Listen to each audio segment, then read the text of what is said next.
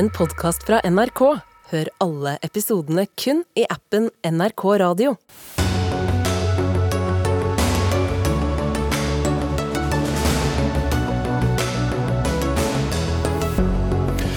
Regjeringen åpner nå for å begrense eksporten av strøm, ikke av hensyn til prisen, kun hvis det er fare for kraftmangel. Tommel ned fra opposisjonen, og EUs overvåkingsorgan er skeptisk.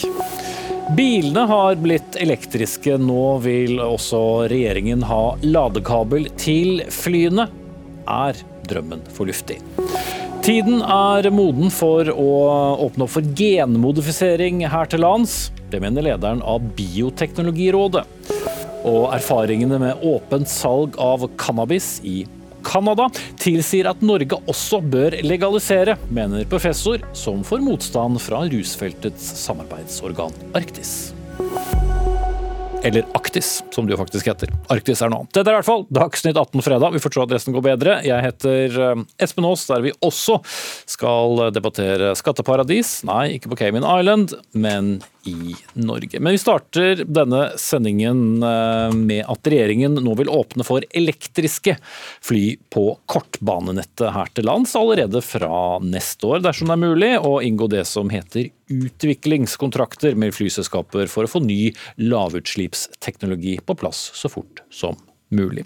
Dette ble klart i regjeringens nye luftfartsstrategi, som kom i dag, og Bent Joakim Bensen, statssekretær i Samferdselsdepartementet fra Senterpartiet. Hvor elektrisk kan flybransjen bli neste år? Nei, Det er et godt spørsmål. Jeg tenker I dag er en stor dag for norsk luftfart. Det er jo første gangen at man får en nasjonal luftfartsstrategi. og Det syns jeg vi skal kunne markere. Og så går denne strategien for seg flere områder, bl.a. det sosiale, det geografiske og, og klima. Og så ønsker jo regjeringen å vise en ny retning gjennom at vi ønsker å åpne for at i neste kontraktsperiode på FOT-ruter, altså at staten går inn og kjøper ei rute der det ikke er kommersielt grunnlag, at vi går inn og åpner for at hvis det i løpet av neste periode er at teknologien er kommet så langt, så kan man gå over på null- og lavutslipp. Mm. Og det skal da kunne lønne seg mer økonomisk enn hvis det er tradisjonelle fly? Ja, det, det, her handler jo egentlig om at staten bruker vårt virkemiddelapparat og, og Samferdselsdepartementets virkemiddelapparat til å drive utviklinga fremover. Eh, og Klima og miljø er et, et, viktig område, og hvor vi også har ambisjoner. Eh, både internasjonalt, men også i, i, Norge. Så Vi ønsker å bruke de virkemiddelapparatene som vi har, til å drive denne utviklinga. Og så er det jo næringa der ute som, som har svarene på det her. Og jeg, jeg synes jo i hvert fall i etterkant av pressemeldinga og pressekonferansen i dag at, at Stein Nilsen fra Widerøe kommer bort og klapper meg på skuldra og sier bra, nå er vi i gang. Det er i hvert fall et godt signal som jeg tar med meg. Sa regjeringen i all beskjedenhet. En som ikke er eh, så overbevist av den nye grønne strategien er deg, Torbjørn Lote, administrerende direktør i NHO luftfart. Eh, er det ikke bra med satsing på mer miljøvennlig luftfart? Absolutt, og det er et godt grep å diskutere anskaffelsesordninger og se på innovasjonskontrakter, som det heter. Eh, men det er bare en liten del av det hele. Eh, vi må se på hele strategien, og den er i mine øyne, hvis jeg skal være litt uærbødig, impotent. Det er veldig få tiltak, det er veldig eh, svake strategier. Det er veldig eh, få veivalg man har gjort. Eh, det som er kjernen i klimautfordringa, er at luftfarten skal være karbonnøytral i 2050. Det er 27-28 år frem i tid. Er, hvis vi ser i bakspeilet, så er det tilbake til OL på Lillehammer. Det er ikke lang tid. Da må det helt andre virkemidler til. Som hva da? Og Det vi ønsker, det er jo at man etablerer ordninger der skatte- og avgiftsinnbetalinger som skjer fra norsk luftfart i dag, som kommer på topp toppen av EUs klimakvoteregime, at de kanaliseres til klimatiltak. Situasjonen nå er at EU strammer til klimapolitikken. Da blir på en måte særordningene i Norge overflødige. Det som er situasjonen nå, det er at kostnadene for norsk luftfart vil øke med 2-3 milliarder i løpet av et fire til femårsperspektiv pga. de samla avgiftsbelastningene. Det er for så vidt et annet departement enn det han representerer, da, for da er det oppe på finans. Men bare for å forstå helt hvor du da vil William, da mener du fortsatt at det skal være lavere avgifter og skatter til dagens forurensende Nei, Det skal være likeverdige skatter og avgifter med det vi har ellers i Europa. og Nå strammer EU til med sitt kvotesystem. Kostnadene vil øke til en 2-3 milliarder i løpet av noen få år, fordi disse såkalte frikvotene forsvinner og kvoteprisen går opp. Og Så har vi særavgifter i Norge på toppen, og da er ikke de effektive. Da må de brukes til noe fornuftige. og Vi har sagt kanaliser noe av det her tilbake til klimatiltak, slik at luftfarten for det første har likeverdige konkurransevilkår. Okay, jeg skjønner det, men Hvis vi går tilbake til eh, eller Du kan svare det ut først, da, Ja, for, for, for, mitt vedkommende, altså Samferdselsdepartementet, så er det jo å se på hvilke grep kan vi gjøre innenfor vårt departement. Så Vi vil måtte komme tilbake til avgiftene, både fra Finansdepartementets side og i budsjettprosesser. Men det jeg er opptatt av, er å se på hva er det luftfarten gir tilbakemelding til oss på? Jo, de ønsker at staten skal være med å ta risiko, som man har gjort bl.a. på elbilpolitikken. og Det viser vi en retning på her, gjennom at vi åpner for eh, en sånn utprøvingsfase nå, eh, med, en kontrakt der man kan teste eh, null- og lavutslipp i neste anbudsperiode. Men bare for å gi publikum en status på, på, på hvor er vi hen egentlig der per i dag? Ikke så langt frem. Det er kanskje NHO som er best egnet til, til å svare på. Ut fra mitt Jeg Håper jeg dere har en eh, idé òg, siden dere kommer med en strategi åpenbart det vi tenker at eh, her, her, ønsker vi å gå inn med statlige virkemidler for å pushe den teknologiske utviklinga. Så er det ikke staten som skal gjøre det, det er det private næringslivet som skal gjøre. Men de har etterlyst fra oss hvordan grep kan vi gjøre for å bidra til at de reduserer risiko. For det er jo det det egentlig her handler om. Så vi ønsker å legge til rette for utviklingskontrakt. Og hvis teknologien er der i løpet av den kontraktsperioden vi nå går inn i til neste år, så kan man gå over på null og lavutslipp. Og det mm. åpner vi for nå. Og selv om han stadig ikke er fra Finansdepartementet, så vil det vel da også kunne ligge en økonomisk eh, gulrot både i at det kan være penger å få for utvikling, men også hvis eh, man klarer å utvikle lavutslippsfly, så vil jo det da ikke være samme avgiftssystem som det er i dagen. Ja, da, og Det er jo absolutt positivt at man ser på sånne grep på kortbanenettet, men det er bare en liten del av det hele. Vi må gjøre mer. Det er det som er vårt poeng. og Da må vi ha likeverdige eh, rammebetingelser. Eh, og vi må sørge for å bruke de ekstra ressursene vi har i Norge til å fremme for det første konkurransekraften, men også investeringsevnen til norsk luftfart. Ellers så vil du ikke klare det grønne skiftet i løpet av de få åra vi har til rådighet på det. Hvis uh, du også tar på deg hodetelefonene, så skal vi nå til eh, Bergen. Der er du, Frode Steen, professor Norges handelshøyskole, som følger norsk luftfart tett. Hva, hvordan vil du oppsummere de elektriske ambisjonene til regjeringen ut fra det du har sett? de er i hvert fall optimistiske. Men det er klart at alle er enig i at kortbane er kanskje første plass vi kan se elektriske fly. Og, og, det er mye bra med det. Men det jeg tenker er at her må man tenke seg fryktelig godt om. Innovasjonskontrakter det er egentlig en annen måte å si at vi skal være med og støtte enkeltbedrifter for at de skal, vi tror at de skal lage den beste teknologien. Er det én ting vi vet fra forskning, så er det det at uh, det offentlige er fryktelig dårlig på å bestemme hvem som blir vinnerne, eller skjønne hvem som er vinnerne. Og Da får vi samme problemer her. Vi gir penger til noen, det kan være feil teknologi. Eh, markedet er mye bedre på å løse det sjøl. Det vi skal gjøre som nasjon, det er å lage til rette infrastruktur. Lading med Avinor, regulering med Luftfartsverket, sånn at det går fort og greit å få tingene på plass. Men gud forby. altså, dette Skal vi lage en ny sånn her fink Think som flyr? Er det det vi tenker? Eh, det gikk jo veldig dårlig med den som bare skulle kjøre. Ja, Hva er, er, tanken der? Eh, hva om dere satser penger på luftfartens eh, beta-videokassetter? Unnskyld alle under en viss alder. Jeg, jeg, tenkte Det er i hvert fall som, som vi får en tilbakemelding på, er jo hvordan kan staten bidra til å redusere risiko. For de her aktørene som nå tar en høy risiko gjennom utvikling av ny teknologi, og helt enig med Sten at det er jo ikke staten skal direkte utvikle de her løsningene, det er jo det private næringslivet. Og Så ønsker vi å utlyse en konkurranse der alle aktører kan delta på den for å få få en sånn utviklingskontrakt. og Det er jo det nye. Eh, I tillegg til at hvis det i løpet av perioden som vi nå går inn i fram mot 2030, hvis teknologien tilsier det, noe vi selvfølgelig håper gjennom både utviklingskontrakten og andre grep, hvis vi er der, så kan vi gå over til lav- og nullutslipp. Mm. Men mener du Sten, at dette bare er, er penger ut av, av vinduet? Jeg er veldig usikker på hva man mener. Skal man eh, be videre komme ut med en slags eh, kontrakt på at de jobber med dette? Skal man skal man gi penger til en eller annen produsent i Europa eller USA? Det er det ene. Begge deler blir like feil. Eh, og det andre er jo det at eh, vi vet så godt at innovasjon skjer best der ute uten at vi blander oss. Når innovasjon er der, når flyene er der, når vi begynner å se konturene, så er det opp til myndighetene å legge til rette. Og Der er det mye vi kan gjøre. og Det vet jeg Avinor er opptatt det vet jeg Luftfartsverket er opptatt av. Men dette her med at vi skal kaste penger for å redusere risikoen, det har jeg faktisk ingen tro på. Jeg tror dette kommer. Ja, det, det, her er jo en pilot, for å si, si, bruke luftfartsspråk. og Det er jo nettopp et signal fra regjeringa om at vi, vi, ønsker å legge til rette for å redusere risiko for de her aktørene som, som utvikler. og nettopp at Det er denne utviklinga vi ønsker.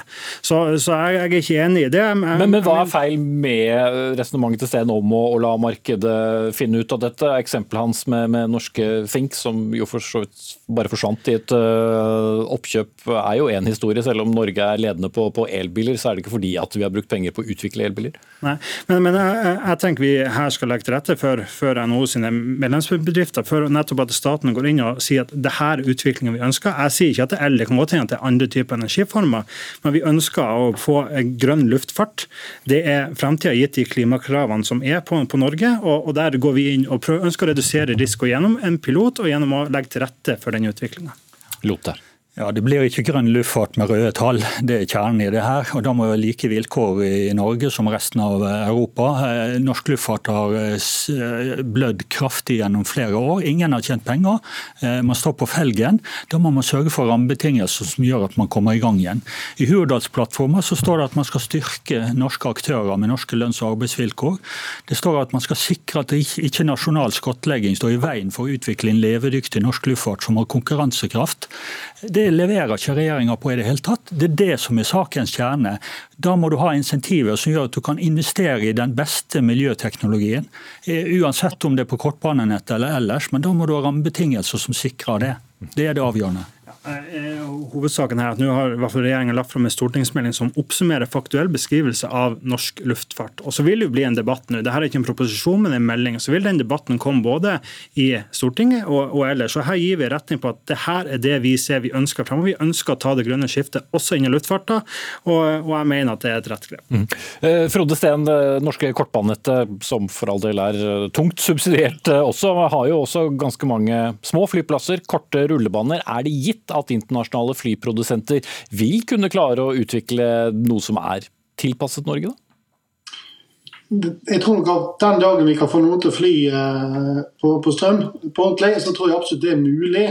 Men om det er det første som blir utviklet, gitt at vi er et lite marked og vi har disse litt korte banene våre, det vil jo vise seg. Men det jeg tenker som er katastrofalt, er hvis vi tror som lille Norge at vi skal kunne påvirke disse bedriftene til å utvikle den type produkter, for det blir veldig veldig dyrt i forhold til den lille serien med fly som Norge eventuelt skulle trenge. Så, så, så igjen da, Jeg er litt sånn tilbake til dette med elbiler. Vi har brukt katastrofalt mye penger på elbiler. I den forstand at vi har fått en fantastisk elbilpark, men vi har brukt grusomt mye penger på det. Jeg har ikke sett én forskningssnutt som viser meg at vi har klart å påvirke tempoet og utviklingen i elbiler i verden, bortsett fra i lille Norge. Og det er bra for Norge. Men har, prisen har vært veldig høy. Nå er jeg bare redd for å gå inn i nok en sånn her kostnadsgreie på fly. Mm. Lille Norge skal nå gjøre noe med flyverden. Det er god tid for uh, også flere å komme med reaksjoner på strategien til regjeringen. Jeg uh, stopper dere der, og så får vi tro at uh, dette går bedre på skinner enn togtrafikken, kanskje. Bent Joakim Bentsen, statssekretær i Samferdselsdepartementet fra Senterpartiet. Torbjørn Lote, administrerende direktør i NHO Luftfart. Og med oss fra Bergen, Frode Steen, professor i samfunnsøkonomi ved Norges handelshøyskole.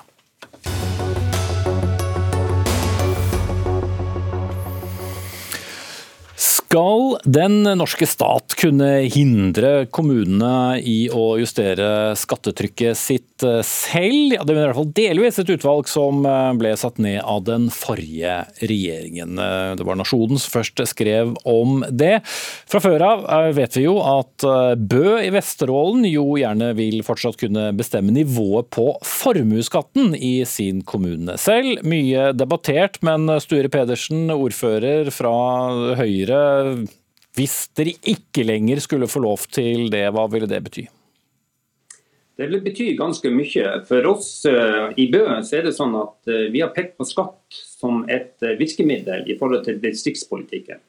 Og Det ønsker vi å prøve ut. Vi ønsker å legge til rette for etableringer og på den måten tiltrekke oss arbeidskraft fra sørnorske byer, for å være helt konkret på det. Vi har altfor mye strøm sørover av folk, og da må vi gjøre oss ja, attraktive på en måte. Og Jeg har tenkt på skatt i forhold til både arbeidsinntekt, og vi har gjennomført dette med skatt på formue. Og For meg er det bedre at de investerer i Bø enn de flytter til utlandet. Men uh, har det gitt den store gevinsten ennå, da? Ja, vi ser at uh, i år så begynner vi å se investeringer av dette. og det, Dette er mer fokus på det private næringslivet. Og Vi har i hvert fall fått kapital til uh, kommunen vår. Og Klarer vi å legge til rette for gode investeringer, så har vi i hvert fall kapitalen på plass. Og Vi blir å vise de første konkrete resultatene med investeringer, både innenfor teknologi og for så vidt reiselivsanlegg, så vi kommer i gang i løpet av året. Og, og, så Det virker veldig lovende, så det ønsker vi å fortsette å prøve ut.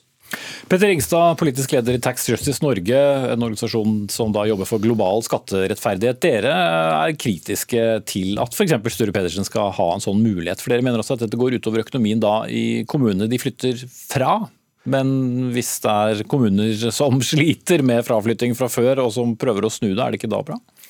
Ja, altså som, som Bø prøver jo da å bli et skatteparadis, kan du si, i Norge. Eh, og det å bli et skatteparadis, det har jo vist seg å være en smart strategi. Mange skatteparadis blir veldig rike. Og Bø har så vidt jeg har forstått kunne øke sine skatteinntekter som følge av det grepet de har tatt. Når det, den utredninga som vi her diskuterer, likevel da foreslår å ta bort den muligheten, så er det fordi at skatteparadis og skattekonkurranse har noen veldig skadelige konsekvenser.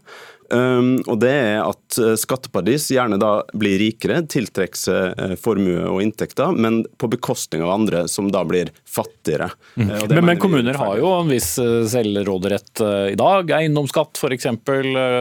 Kan du, eller ja, la være. Absolutt. Og eiendomsskatt er jo et område der det utvalget her foreslår å øke selvråderetten til kommunene. Og den har ikke så skadelige konsekvenser som skatt på formue eller inntekt. Mm. Men uh, ser du at dette da fort kan gå utover andre kommuner uh, for at dere i Bø skal uh, dra nytte av det? Jeg er litt overraska over at dette kommer fra at det blir problem for andre kommuner en liten kommune som Bø ønsker å teste dette ut, og vi gjør det for at vi ønsker bosetning i denne kommunen. Og Vi er gjerne klar til å prøve andre typer forslag som har for så vidt vært gjort, men ikke lyktes. så vi har pekt på dette. Og Når det gjelder skatten, så er vi gått fra å være en skattesvak kommune til en skattesterk kommune. Det er riktig. Men det er ikke sånn at vi beholder dette. Vi er blitt en skattesterk kommune og bringer masse penger nå inn til inntektsutjevning. De blir refordelt, disse pengene. Den største gevinsten vår vi kan få, det er de investeringer som gjøres i den enkelte kommune. Og De har aldri kommet, har vi ikke tort å gjort sånne type grep. og Derfor ønsker vi å fortsette med det. Og Det er jo andre distriktspolitiske virkemidler som arbeidsgiveravgift og andre skatteinsentiver nettopp i deler av landet som, som trenger å tiltrekke seg eh, virksomheter eller folk? Ja, men eh, det som er skadelig med akkurat det å skulle tiltrekke seg høyt formuende personer for å la dem betale en lavere formuesskatt, for det er det vi egentlig snakker om her. Det er ikke primært arbeidskraft, men det er formue. Eh, og det er at eh, ja, det er riktig at Bø nå fordeler penger til andre kommuner, fordi de har blitt en relativt sett rik kommune, men det samla formuesbeskatninga til kommunene blir senka. Så det, det er mindre i den potten som skal fordeles mellom kommunene, fordi andre kommuner som da hadde formuende folk før, som nå har flytta, eh, har tapt mye mer i formuesskatten sin enn det Bø har tjent i formuesskatten sin. Pedersen. Ja, jeg hører jo hva som sies her.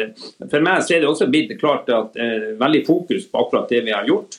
Og Vi har jo registrert at det er en del eh, flotte forretningsfolk som flytter ut av landet. og jeg synes Det er bedre at vi fører en skattepolitikk sånn at vi har de i landet får de til å fortsette å satse om de er i Bø eller andre plasser. Og Derfor mener jeg, har jeg pekt på skatt som en del av dette.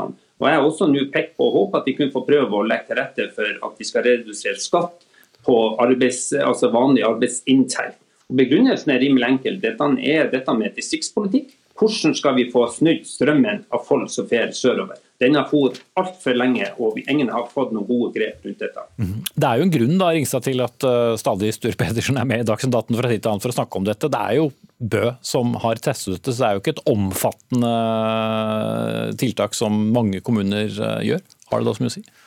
Uh, da blir det jo på en måte et prinsipielt spørsmål. og det som, uh, altså, Jeg skjønner godt at det her har blitt prøvd ut. Og det skal Bø ha honnør for, at i en vanskelig situasjon så prøver de ut ulike strategier. Og Bø har lyktes egentlig ganske godt, og det er allerede flere kommuner som har mm, nå meldt interesse i at de ønsker å kopiere den modellen. Sanne kommune har allerede gjort et vedtak på det, og det er flere andre kommuner. Så Eh, i den grad det her blir en suksessfull strategi, så må vi forvente at dette her eh, kommer til å spre seg. Eh, og Det er derfor det er viktig å ha en prinsipiell debatt nå, før mange kommuner blir altfor investert i en sånn type modell, og dermed blir låst, sånn at det blir vanskelig å gjøre noe med det seinere. Mm. Hvis vi skulle driste oss til å se litt praktisk på det, da, Sture Pedersen. Hvis du ikke lenger skulle få lov til å ha dette i hermetegn skatteparadiset ditt fremover, hvilke umiddelbare konsekvenser vil det få? Og en del er jo allerede etablert der. og Kanskje har de sett andre fordeler med å bo i Vesterålen?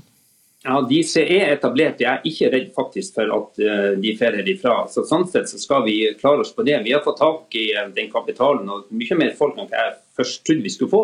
Men vi har gjort andre grep. Vi har skjenka, eller laga til rette for at vi har gratis barnehageplasser i vår kommune. Vi stimulerer for fødsler, gir de 50 000 kroner. Og Sånn kan vi fortsette å gi stimuleringsordninger, sånn at vi skal tiltrekke oss folk. For den Kampen om hendene den blir bare tøffere og tøffere. og Da må vi også gjøre distriktskommuner som f.eks. Bø attraktive, sånn at vi kommer til vår kommune. Og Det er det vi jobber for hver dag. Kjemper for at vi skal overleve og være her ute i havkanten. Mm.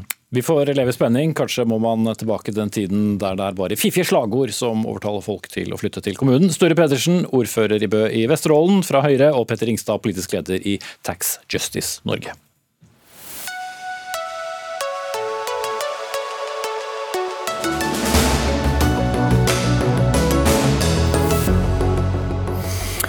Norge kan strupe eksporten av kraft til utlandet. Ja, det slo både statsminister Jonas Gahr Støre og olje- og energiminister eh, Terje Aasland fast på en pressekonferanse i morges. Ikke fordi de er bekymret for de høye strømprisene, men fordi de er bekymret for om vi har nok vann i vannmagasinene. Kanskje ikke overraskende gitt debatten vi har hatt i lang tid, så har det ene opposisjonspartiet etter det andre vendt tommelen ned for det hele og kalt det vagt, kalt det for løftebrudd og kalt det for slag i luften. Og blant de mindre imponerte er eh, du i Rødt, Sofie Marhaug, med oss eh, på linje fra Bergen. Du er stortingsrepresentant og medlem av energi- og miljøkomiteen. Hva er galt med en regjering som sikrer norsk, eh, nok kraft i vannmagasinene? Hvis eh, det er helt sikkert at de klarer å sikre nok kraft i vannmagasinet, så er jo det bra. Men jeg opplever ikke at det de har levert i dag, eh, sikrer det. Mm, I stedet så har man eh, kommet med nesten ingenting. Rapporteringer og strategier og forskriftsarbeid som ikke er ferdig. Så jeg er ikke imponert, og jeg er slett ikke sikker på om man egentlig legger begrensninger på eksporten, men i stedet legger begrensninger på produksjonen, eller setter opp prisen på vannkraften kraften i perioder det kniper, og det vil gå utover eh, over oss forbrukere i Norge. Vi vil få dyrere strømpriser eh, når det blir knapphet på energi, i stedet for at man begrenser eksporten. Det er sånn jeg har forstått eh, så langt, men det er ikke så lett å forstå, for det har nesten ikke kommet noen ting som helst. Ja, Olje- og energiminister Terje Aasland fra Arbeiderpartiet, du er med oss på linje. Var det altså sånn at man ikke ikke kunne stanse eksporten av sikkerhetshensyn, altså til, til, til eh, hvor mye kraft de hadde tilgjengelig tidligere? Det vi har gjort i dag, det er å ta kraftfulle grep nettopp for å sikre forsyningssikkerheten vår. Det er helt avgjørende for at vi skal ha strøm i stikkontakten. og Det er flere tiltak vi gjør. Det ene er å lovregulere at eh, vannkraftprodusentene har et ansvar for forsyningssikkerheten. Det er ganske viktig å bevisstgjøre det samfunnsansvaret som påhviler alle som sitter på den fantastiske ressursen som vannkrafta vår er. Og så viderefører vi den rapporteringsordningen som vi har hatt siden i sommer. Den fungerer veldig bra. I tillegg så må vannkraftprodusentene eh, lage strategier eh, nettopp for å underbygge eh, sitt samfunnsansvar knytta til dette med forsyningssikkerhet. Og så er det sånn at Hvis det er lite vann, stor fare for rasjonering, og at vi må sette i gang eh, tiltak som eh, i en svært anstrengt kraftsituasjon ja, kan begrense både eksporten, men også produksjonen. Mm, men Det er eh, tidligere sagt fra regjeringshold at kraftbransjen er sitt ansvar bevisst og vil ikke eksportere så mye at det går utover sikkerheten, men da er ikke det noe dere tror på helt likevel?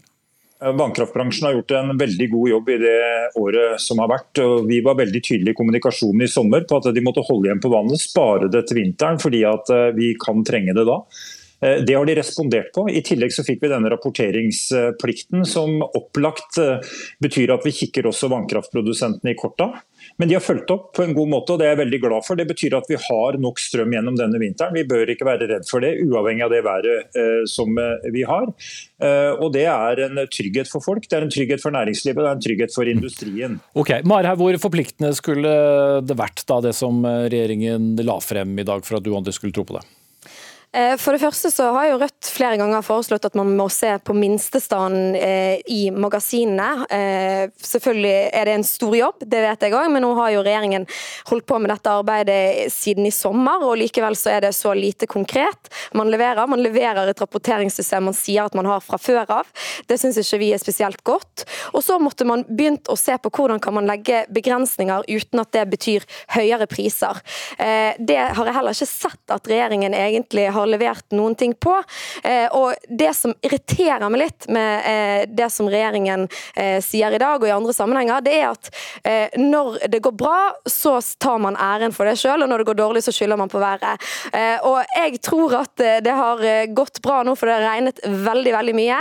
Mens det som skjedde for halvannet år siden, det var at produsentene, vannkraftprodusentene de produserte og eksporterte over evne. Og Da var det kortsiktig profitt som var styrende for eh, hvordan de agerte. Og Vi har ingen forsikring mot at de gjør det igjen. Det eneste man kan bruke er prismekanismer, og da blir det høye priser eh, for eh, folk flest, for bedrifter i Norge, eh, når det er eh, lite Ok, Men, ja, Aasland. Men nå prater Rødt mot bedre vitende. For det første, dette er svært inngripende tiltak. Dette er tiltak som gjør at vi kan sikre forsyningssikkerheten. Dette er tiltak som gjør at vi får en nødbrems som vi kan eh, både begrense eksporten på, og som vi kan begrense produksjonen på, hvis ikke de følger opp strategiene i forhold til det å underbygge det som vi kom til å lovfeste, som kraftprodusentene har et ansvar for, nettopp dette med forsyningssikkerheten. Når det gjelder Rødt sin tanke om at, eh, og det er vanskelig å vite egentlig hva de forstår, det ser ut som at de har et mål i seg sjøl å begrense begrense eksporten. Utgangspunktet er at eh, hvis en gjør som, Høyre, nei, som Rødt sier, så vil mest sannsynlig prisene gå opp. Hvis en setter strengere reguleringer rundt magasinene, vi har ca. 1000 av de i Norge, så er det en ganske krevende jobb. Eh, det er vannkraftprodusentene som best kjenner til eh, sine magasiner. Men mest sannsynlig så vil det ødelegge hele den fantastiske fleksibiliteten vi har i vannkrafta vår. og Den er svært viktig for at vi skal ha strøm i kontakten når eh, tilbud og etterspørsel skal balanseres. Mm. Så vannkrafta er altså, en juvel i dette systemet. Det er Høyre og Arbeiderpartiet som eh, har den samme energipolitikken, ikke Høyre og Rødt. Det er det første jeg har å si til dette. Og det andre er at eh, Ministeren er nødt til å svare. Skal dere legge begrensninger på eksporten, eller skal dere legge begrensninger på produksjonen? For det er en vesentlig forskjell for forbrukere i Norge, og det har ikke regjeringen svart på på pressekonferansen. Mm. Svar nå da, Terje Aasland. Ja, Vi kommer til å bruke begge delene hvis det er nødvendig å bruke de for å opprettholde forsyningssikkerheten. Vi har laga en fin trapp, egentlig. Vi lovfester, det er trinn én, lovfester eh, kraftprodusentenes ansvar for å opprettholde forsyningssikkerheten i Norge. Så er det denne rapporteringsplikten. Så er det denne strategi Kan jeg få prate ferdig, så kunne det vært en fordel? Det hadde vært fordel å hørt ferdig hva vi faktisk har eh, vedtatt eller kommer til å, innføre i dag, sånn at eh, før en kommenterer det. Vi kommer også til å ha et krav om at de skal ha en strategi som viser at de bruker vannet i henhold til å opprettholde forsyningssikkerheten i Norge. Og så er det sånn at Hvis vannstanden faller lavt, det være seg usikkerhet fortsatt i, i energisituasjonen, eller at det skulle bli værsituasjoner eller andre forhold som inntreffer, ja så kan energimyndighetene gå inn både å begrense eksporten og begrense produksjonen overfor f.eks. en enkeltprodusent eller et enkelt, eh, en enkel utenlandsforbindelse. Nettopp fordi at eh, det betyr at vi har en større kontroll god eh, oppfølging av det som er forsyningssikkerheten. og Det er jeg veldig glad for at vi har fått. Dette kommer til å bety veldig mye, og kommer til å sikre at vi har nok strøm i tida framover. Ja, eh, jeg vil jo gjerne ha et svar på hva som kommer først. Begrensning i produksjon eller begrensning i eksport, for det har masse å si, ikke minst for pris. Det Det har vi sagt veldig tydelig da. Det vil være situasjonsbestemt. Energimyndighetene er de som sitter med desidert best kunnskap. og kan, kan jeg få lov til å prate ferdig? Nå, nå, ja, ok, Jeg bryter dere av, for nå øh, nærmer vi oss slutten her. Men jeg må stille et spørsmål. Aasland, det er at EUs overvåkingsorgan ESA har sagt i dag at de er bekymret øh, for meldingene fra den norske regjering. Hvordan møter du det? Nei, Det møter jeg egentlig med, med, tillit til de råda vi har fått rent juridisk, som sier at eh, det, vi kan eh, kontrollere, bygge opp under forsyningssikkerheten. Det er en nasjonal suverenitet som vi kan gjøre, og som ikke er i strid med EØS-avtalen. Så Der er jeg rimelig trygg på at de juridiske råda vi har fått, er gode. Mm. Så får vi se hva ESA svarer. Olje- og energiminister Terje Aasland fra Arbeiderpartiet og med oss fra Bergen, Sofie Marhaug fra Rødt.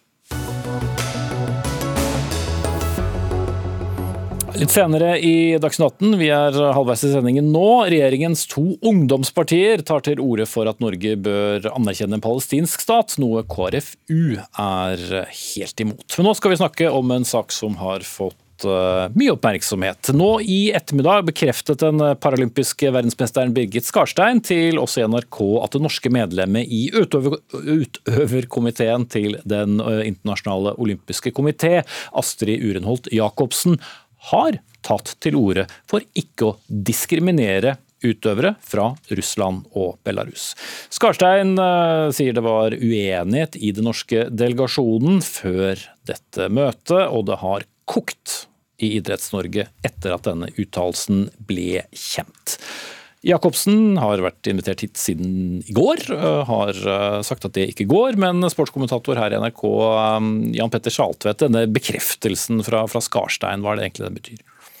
Nei, Det betyr jo for det første at den versjonen som NRK kommer først, eh, faktisk stemmer. Eh, det har blitt fremlagt eh, en versjon fra Astrid Unholt Jacobsen på et IOC-møte med lederen for en rekke utøverkomiteer fra en masse forskjellige land, med den mektige IOC-president Thomas Bach til stede hvor det blir sagt at holdningen er at, som du var inne på, man ikke skal diskriminere noen på bakgrunn av bare pass, og at man må finne en løsning for at uh, denne type uskyldige utøvere i utgangspunktet skal få uh, en vei tilbake til internasjonal uh, idrett, og spesifikt olympiske leker.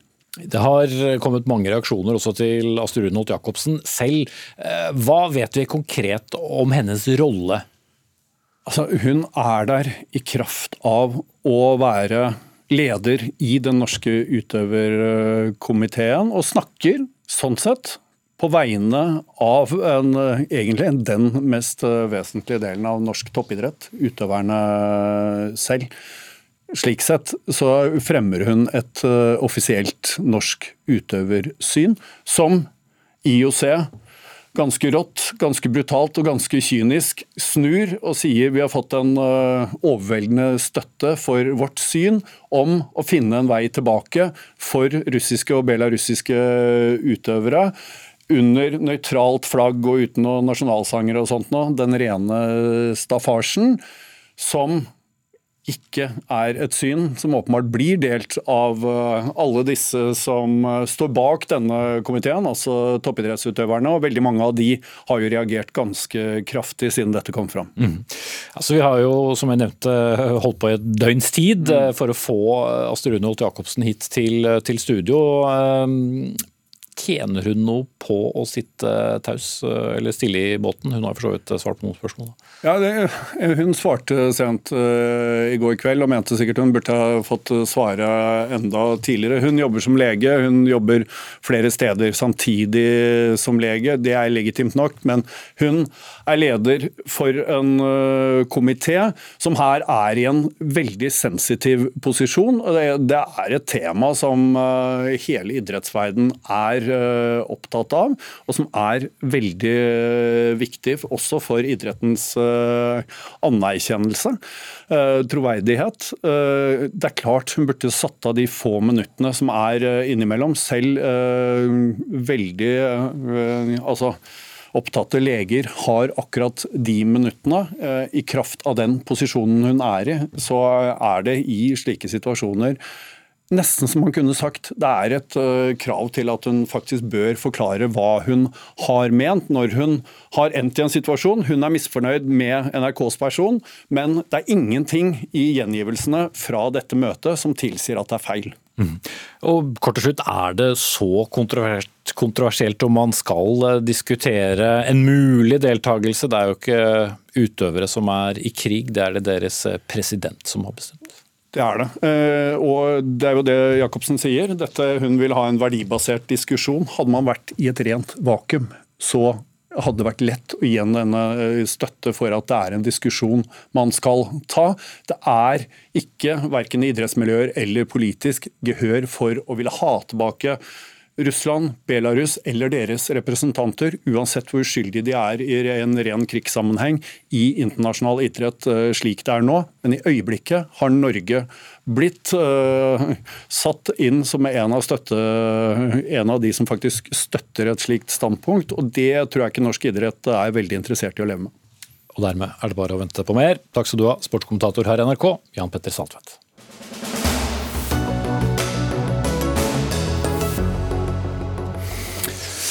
Så til eh, spørsmålet om genmodifisert mat, som tilhengere peker på kan hjelpe oss å møte klimaendringer i mat til langt fler, og møte andre globale utfordringer. Men i loven, som er fra 1993, sies det at genmodifisert mat skal være forbudt i Norge. Et utvalg skal levere en rapport i våres hvor de skal komme med råd om genteknologi, nye teknikker og genmodifiserte organismer. Tiden er moden for å endre dette lovverket, sier du Ole Fridtjof Norheim, leder av Bioteknologirådet. Hvorfor er den det?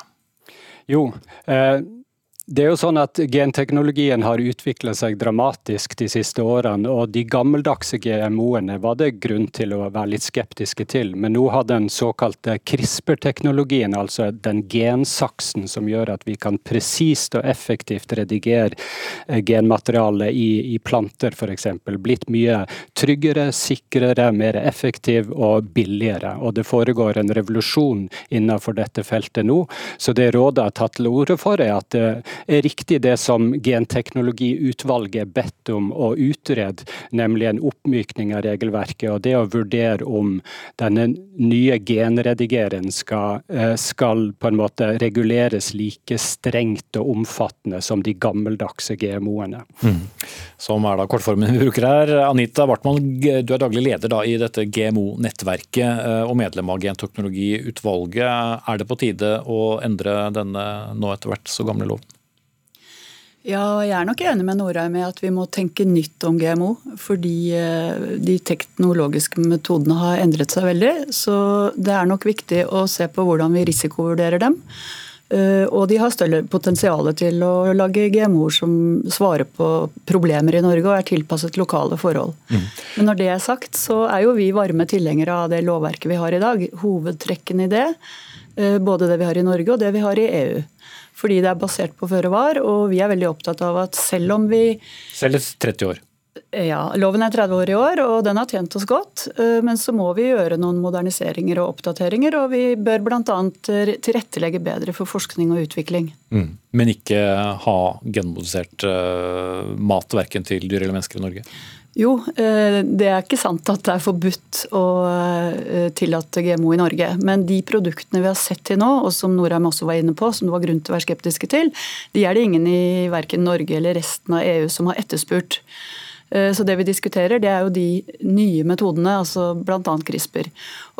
som de fleste ikke vet hva er, så hvis du forklarer ja. det kort. Ja, eh, Som Norheim var inne på, så er de jo mer presise i hvor vi kan gå inn og gjøre endringer i arvestoffet. Det er riktig, men vi mener jo da at det er veldig mye vi fortsatt ikke vet. Både om hva som skjer i cellene eh, av reparasjonsprosesser, men ikke minst når vi skal sette dette ut i naturen. Vi har altfor lite kunnskap om effektene i økosystemene. Det er mm. vår hovedbekymring. Ja, Norheim, Selv om denne loven i seg selv er 30 år gammel, vet vi da nok om eh, hva slags eh, effekter og virkninger det vil ha både på naturen som sådan, når vi blander genmodifisert og andre, men også eh, inntak? Ja, eh, Det som jeg har lært eh, av eksperter og som jeg har lytta til, det er at uh, nå har vi mye mer kunnskap om risikoen ved denne type genredigering.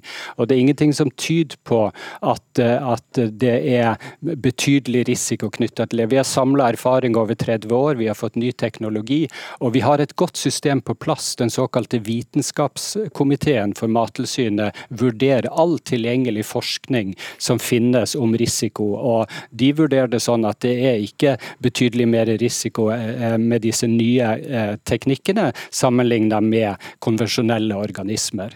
Og Så må vi også løfte blikket litt og se på de store samfunnsutfordringene vi står overfor. ikke sant? Klimatilpasning, eh, vi har behov for økt matproduksjon når verdens befolkning blir mye større. Så vi må også se på potensialet i denne nye teknologien. Og så må vi gjøre en helhetsvurdering der vi ser på samfunnsnytte, bærekraft og risiko. Mm. Ja, for, for å snu det, beklager at jeg avbryter deg, men tiden er alltid knapp. Her, eh, Bartmann, er det ikke også, løp vi ikke også en viss risiko ved å ikke ta i bruk eh, disse nye teknikkene? Vi heier på forskning. Vi er veldig opptatt av eh, at vi forsker nettopp for å se potensialet i forhold til de store utfordringene vi står overfor. Men det er jo nok mat i verden i dag. Altså Underernæring og sult skyldes jo dessverre urettferdig fordeling og kriger og konflikter. Så vi er opptatt av at det er selve matsystemene som er det viktigste å endre. Og så kan det godt hende at disse nye GMO-ene kan ha en plass i det. Men at dette er en quick fix for å rette på de store problemene vi har knytta til matproduksjon, det er det ikke. Hvor god tid skal vi da gi oss? Vi skal forske, og det skjer allerede uh, i Norge, og det er positivt. Men det vitenskapskomiteen sier, det er at vi kan ikke på forhånd vite hvilke risikofaktorer som er knyttet til en GMO. Derfor må vi vurdere fra sak til sak. Og så må det merkes, sånn at både forbrukere og matprodusenter skal kunne gjøre informerte valg. Og hvis man skal merke det, så må de også spores og overvåkes. Mm. Eh, Norheim, det har jo vært uh, store selskaper med enorme økonomiske interesser involvert i GMO uh, opp gjennom årene. Er det dem vi nå gir råderett til å bestemme mer over mat, hvis vi åpner opp mer? Nei, det mange har hevda er at nett, nettopp motsatt. At uh, siden denne her teknologien blir mer tilgjengelig, så vil det åpne opp for, uh, for mind, min, mindre organisasjoner, folk i fattige land, som kan ta i bruk teknologien. Og at det skjer egentlig en demokratisering rundt bruken av teknologien. Det vil være lettere å produsere mat som er klimatilpassa, og som man kan produsere mat mer effektivt. Og det, det vil være veldig gunstig. Men så er det viktig å understreke at vi må ha, og vi har etter hvert bygd et godt system for vurdering av risiko, bærekraft, samfunnsnytte. Og det er veldig viktig at befolkningen har tillit. Så dette med merking er viktig, og at det er tydelig at vi har vurdert eh, risikoen med eh, denne nye teknologien, så vi alltid må være årvåken for. Det er ingen kvikkfiks, det er jeg enig med Bartmann. Det er fint. Og jeg tror også vi må være veldig eh, oppmerksomme på at også CRISPR og disse nye teknologiene er jo en del av et beinhardt patentregime, på samme måte som de gamle GMO-ene. Så vi må jo ikke tro at de store selskapene sitter i ro og lar milliardinntekter forsvinne. Så vi kan håpe, og at vi får til forskning i vårt eget land som ikke er eh, patentert, sånn at vi beholder et familielandbruk basert på bønder som har råderett over sine ressurser. Takk til Anita Bartmann, daglig leder i GMO-nettverket, og med oss fra Bergen, Ole Fridtjof Norheim, leder av Bioteknologirådet.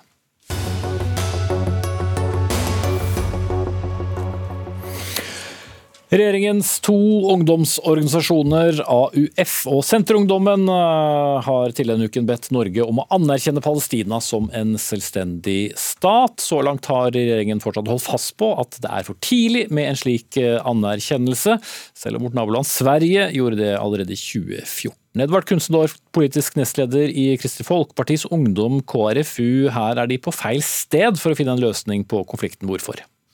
Ja, altså, Vi ønsker jo også en tostatsløsning, men det etter hvert. Det her er feil tidspunkt, rett og slett.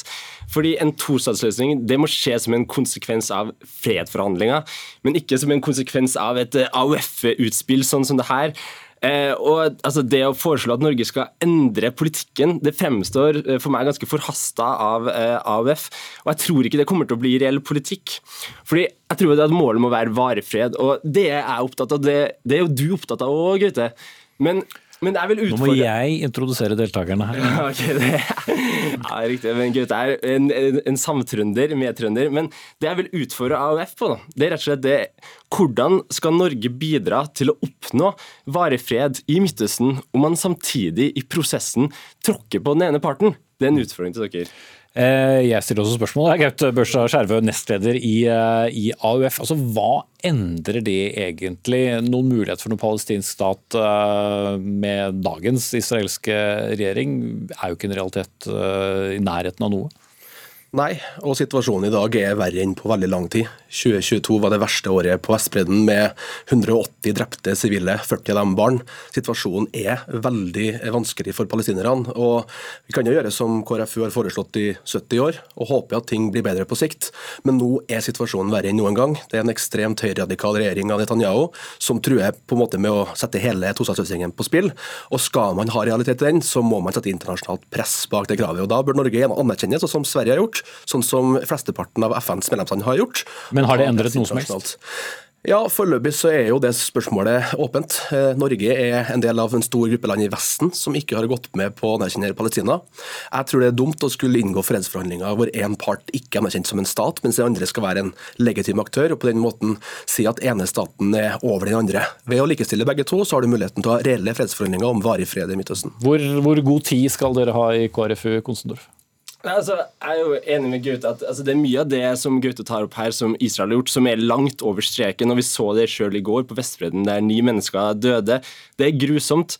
Men samtidig så er jeg opptatt av at debatten her ikke må handle om at vi kaster fram og tilbake med argumenter og viser til situasjoner der både Israel og Palestina gjør mye gærent. fordi det som vil, altså Hvis vi nå anerkjenner eh, Palestina, så vil det bare eskalere situasjonen. Det vil ikke løse noe. Du viste til Sverige her. Det har fortsatt ikke løst det. Men vi har heller ikke løst det sånn som det er nå.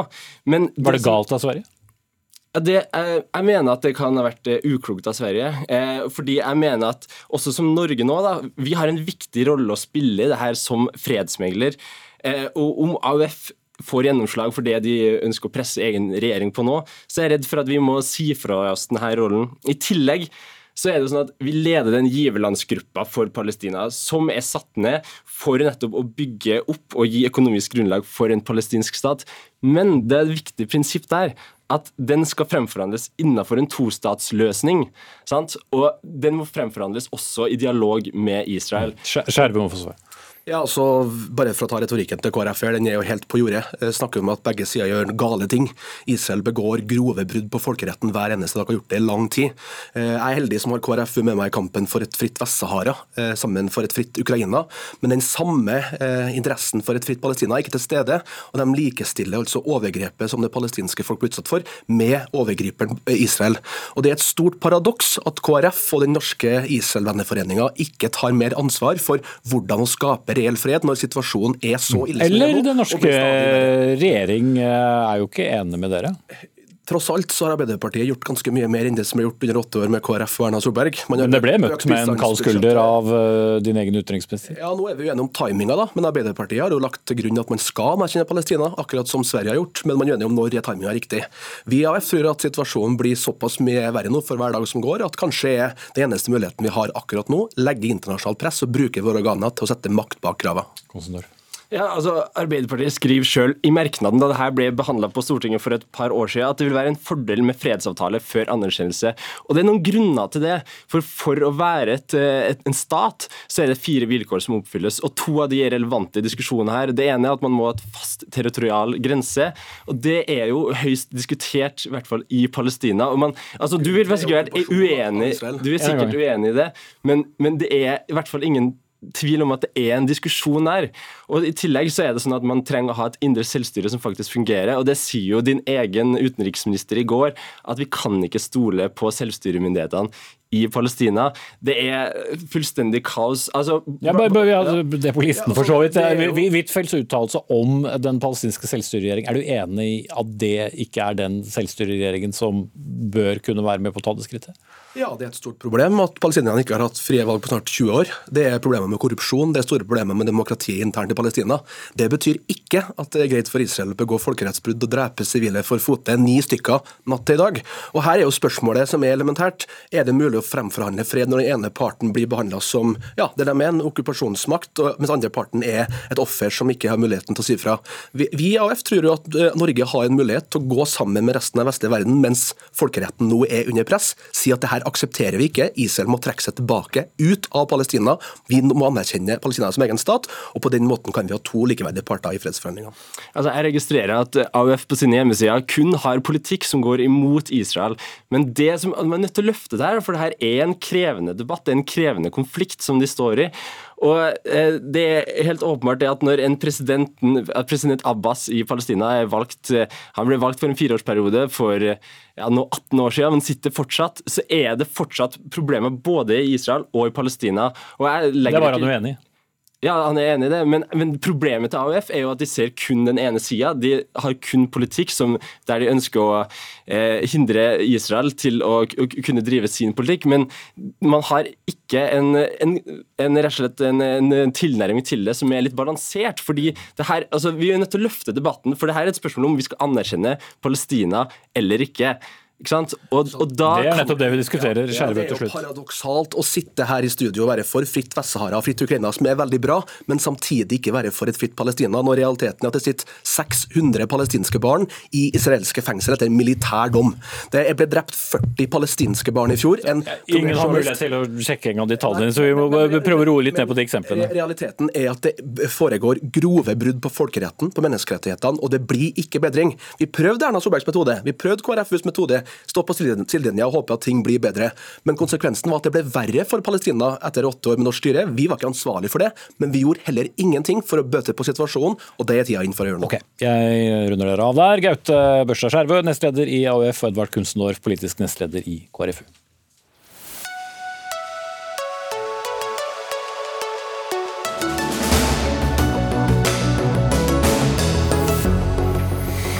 Tiden er inne for å legalisere cannabis også i Norge. Ja, Det skrev professor meritus i sosiologi Willy Pedersen i en kronikk i Aftenposten nylig.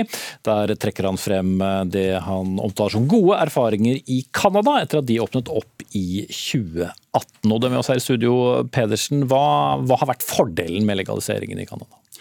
Altså, Jeg er ikke sikker på at vi skal gjøre det i Norge riktig enda, men jeg syns vi skal følge med nøye på det som skjer i Canada. Fordi de eh, bestemte dette etter en lang planleggingsprosess i 2018. Eh, altså legal produksjon, eh, omsetning og bruk av cannabis. Og De la særlig vekt på tre ting. De skulle følge nøye med om bruken blant de unge økte. Og så skulle de se hvor mye de klarte å ta ut av den illegale økonomien, som er knyttet til organisert kriminalitet og sånne ting. Og så skulle de se hvor mye man klarte å redusere antallet møter ungdom hadde med politi og strafferettsmyndighetene.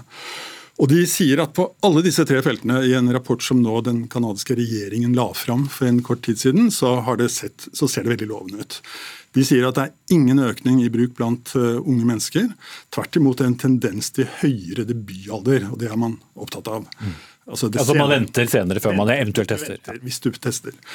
To tredjedeler av markedet hevder de nå er blitt legalt. altså Du har tatt ut enorme summer av den kriminelle, organiserte økonomien. Og Dessuten så har altså 50-60% færre av ungdommene nå møtt uh, rettsvesenet, politi og Eh, blir utsatt for den type smerte og stigma som er forbundet med dette. Så de sier eh, sånn nokså selvsikkert at dette ser veldig lovende ut. Men Inger Lise Hansen i Aktis, altså rusfeltets samarbeidsorgan, dere representerer 37 organisasjoner som jobber med, med, rusfeltet. Da du svarte Pedersen eh, i dagens papirutgave av Aftenposten, hvis vi fortsatt snakker om noe sånt, så tegnet du et helt annet bilde. Hvordan kan du det? Altså, vår gjennomgang eh, av erfaringene fra Canada og de statene i USA som har valgt å gjøre cannabis lovlig, så ser vi tydelig at bruken øker totalt sett. Det svarte markedet er fortsatt betydelig, selv om det illegale markedet nok er mindre. Men samtidig så har du også det totale markedet som øker fordi at bruken øker. Og Det betyr jo også økte skader. Så Vi ser jo at det er økt antall besøk på legevakt som er grunnet cannabisbruk. Forgiftninger av barn. Flere som bruker cannabis under svangerskap. Er det store tall du viser til der, Hansen? Nei, altså dette er jo, nå er jo denne prosessen, Tallene våre er jo fra en veldig begrenset periode. Derfor så kan vi jo ikke på en måte si er dette veldig vellykket eller eh, helt krise. Eh, men det som jeg synes er viktig her, er å tenke er dette et eksperiment vi er villige til å gjøre. Vi tror dette er et sosialt eksperiment der vi ikke er villige til å ta den risikoen det er ved å legalisere cannabis. Eh, fordi vi ser tydelig at bruken øker, og da vil også skadene øke. Men ikke blant unge. Er, er, er du enig med, med, Pedersen der? Altså, du peker på totale, han eh, snakker om de unge. Nå synes jeg det er litt sånn, Dette er jo en kort periode vi har tall, og så har vi da pandemien i tillegg i denne, denne perioden. Men du er jo ganske bastant i konklusjonen din i Aftenposten? da? Is i, i magen. Ja, nei, jeg er bastant i den forstand at det vi ser, er at bruken kommer til å øke. Eh, og det er vi ikke villige til. Og så er det noe med at nå ja, skifter Pedersen. å bare se på Canada, da, og, og, det er viktig å se på flere land enn jeg. Altså det er jo sånn at Du sier f.eks. i Aftenposten at kriminaliteten er upåvirket. Du sier at det svarte markedet består. Jeg synes det er, eh, jeg skal være litt forsiktig med å karakterisere det, men det er jo totalt et annet bilde enn det altså regjeringen i Canada legger frem. De sier jo faktisk at kriminaliteten har da blitt borte. altså To tredjedeler omtrent har forsvunnet. Eh, og Det er jo ikke noe rart, fordi dette var jo en gang kriminelt. Nå er det ikke lenger kriminelt. Så både om, altså, du, ikke, ikke, ikke avbryt.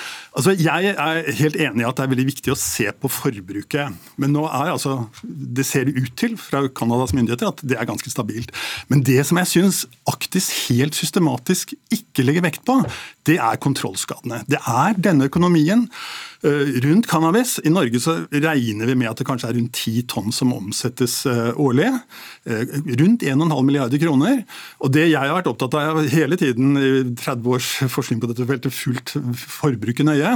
Men jeg har også vært opptatt av de enorme fristelsene og problemene som melder seg når vanlige ungdommer Altså Det største forskningsprosjektet vi gjorde, det var å se på cannabisomsetningen ved Akerselva i Oslo. Største område i Norge.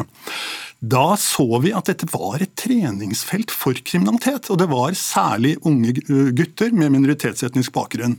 Senere så studerte jeg eh, altså Vi intervjuet masse folk kort, ja. som satt på lange narkodommer. Og det hadde startet med cannabis for veldig mange av disse. Omsetning og bruk av cannabis i en illegal økonomi. Sånn at det jeg syns Aktis bør være litt mer opptatt av, og som dere aldri sier noe om, er denne store illegale økonomien. Alle de kostnadene med ungdommer som blir sendt inn i rettsapparatet. Du kan svare på det nå, da, Hansen. Ja, altså jeg tenker jo eh, Det bildet som Pedersen tegnet i Aftenposten knytta til eh, dette miljøet, eh, som handler om å erkjenne at mange kommer er i et utenforskap og blir dratt inn i cannabissalg. Og så er spørsmålet, Løser det noe å legalisere cannabis? Jeg tror ikke det. Jeg tror man må løse hva som skaper utenforskapet. Det å bekjempe fattigdom og sosial nød, sørge for at ungdom får deltatt på fritidsaktiviteter, fullføre skolegang og få seg en jobb. Det vil sørge for at flere ungdom holder seg unna kriminalitet. Eh, og jeg tenker at Det er noen sånne forutsetninger vi er nødt til å ta med inn i debatten. For Det blir en forenkling av bildet å skulle eh, fokusere på at legaliserer vi, så er alt så greit. Jeg tror det er sosialt, jeg, jeg, jeg har overhodet ikke sagt at det er greit, men jeg sier vi skal følge med nøye på det som skjer i Canada. Canada er et veldig interessant land. Mange fellestrekk med Norge. Og jeg syns i hvert fall at dere bør lese denne rapporten som eh, den canadiske regjeringen har lagt fram. Altså, den peker jo rett og slett på at de har redusert vel, altså Koblet med andre velferdstiltak så klarer de også å ta bort denne magneten som uh, du ser. altså I svenske uh, drabantbyer f.eks. Du ser den enorme gjengkriminaliteten. Det er ingen tvil om at cannabis også der har en kraftig, altså stor betydning for den, den gjengkriminaliteten. Så det at dere ikke, altså Vi er for velferdstiltak, vi er for forebygging, vi er for fritidsklubber osv. Men hvis du ikke har med at denne virksomheten også vest i Oslo her, altså det er jo de områdene vest for her vi sitter nå, som virkelig har et høyt forbruk av cannabis. Det er også viktig å ta med. Hansen. Vi kommer selvfølgelig til å følge med på utviklingen både i Canada og andre stater som velger å, å gå til det skritt og legalisere cannabis. Um, men jeg tror at her handler det om å liksom legge til grunn hva er det vi ønsker med samfunnet vårt. Vi har lav rusbruk i Norge. Og Det er et faktum. Vi har mye lavere rusbruk totalt sett enn det Canada har. Derfor så er det et stort sosialt eksperiment å øke tilgjengeligheten ved cannabis, som du foreslår.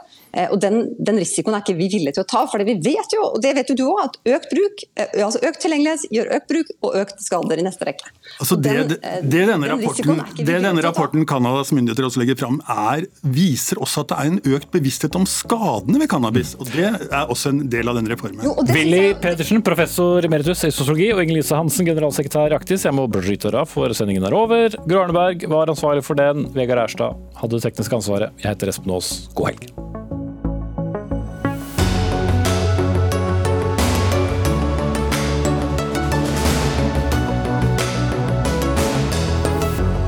Du har hørt en podkast fra NRK.